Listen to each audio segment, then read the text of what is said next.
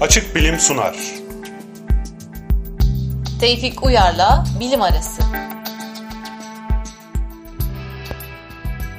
Bu hafta sizlere gezegenimiz için bir tehdit olduğu anlaşılan mikroplastiklerden bahsedeceğim.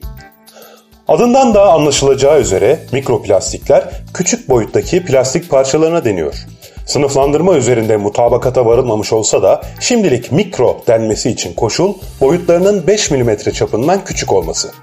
Tehdit yaratma nedenleri ise yiyip içtiğimiz hemen her şeyde giderek miktarlarının artması ve bunları tüketen canlıların beden ve dokularına nüfuz edebilmesi.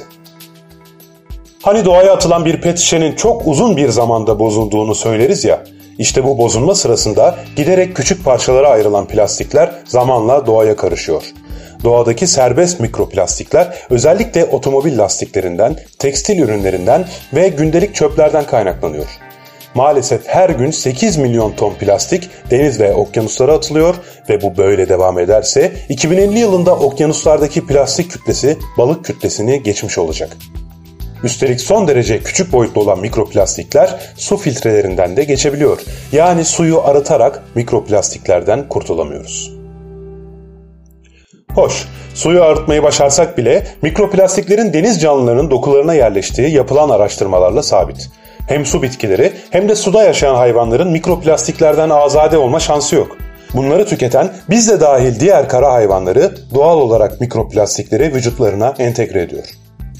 New York Eyalet Üniversitesi'nde gerçekleştirilen bir araştırma, insanların da tükettiği 18 balık türünün mikroplastik kaynağı olduğunu ortaya koymuş durumda. Beslenme yoluyla vücudumuza geçen mikroplastik miktarının insan sağlığı üzerindeki uzun vadeli olumsuz etkileri net değil ve bilim insanları bu konudaki araştırmalarını sürdürüyorlar.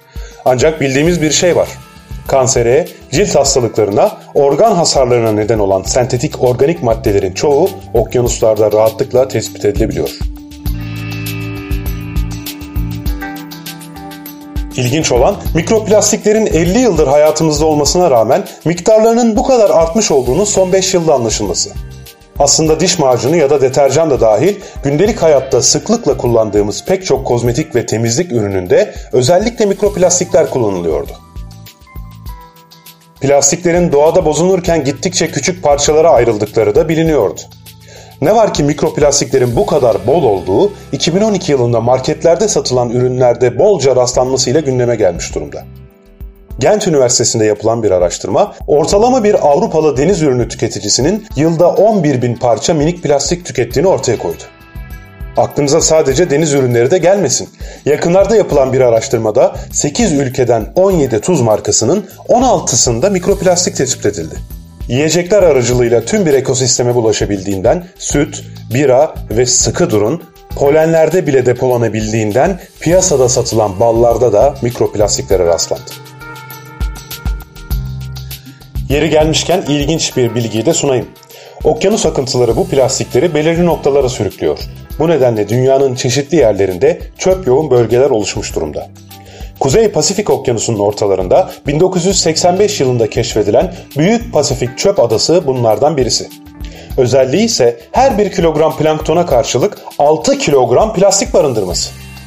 En kirli bölgesinin büyüklüğü en az Türkiye'nin yüz ölçümü kadar olan bölgeden dünyada birkaç tane var ve toplam yüz ölçümleri 16 milyon kilometre kadar. Plastik kirliliği ilgili artan kaygılar bu kirlilikle ilgili farkındalığın artmasına yönelik araştırma ve örgütlenme çalışmalarının hız kazanmasını sağladı. Ancak dünya nüfusunun ve sanayinin plastiğe olan bağımlılığı her geçen gün artıyor. Böyle giderse gün geldiğinde gezegenimizdeki hemen her canlının dokularında yoğun miktarda mikroplastiğe rastlanabilir. Öyle ki uzaylı bir medeniyet gezegenimizi inceleyecek olsa en önemli yapı taşlarımızdan birinin plastik olduğunu düşünebilecek kadar. Böyle olsun istemeyiz değil mi?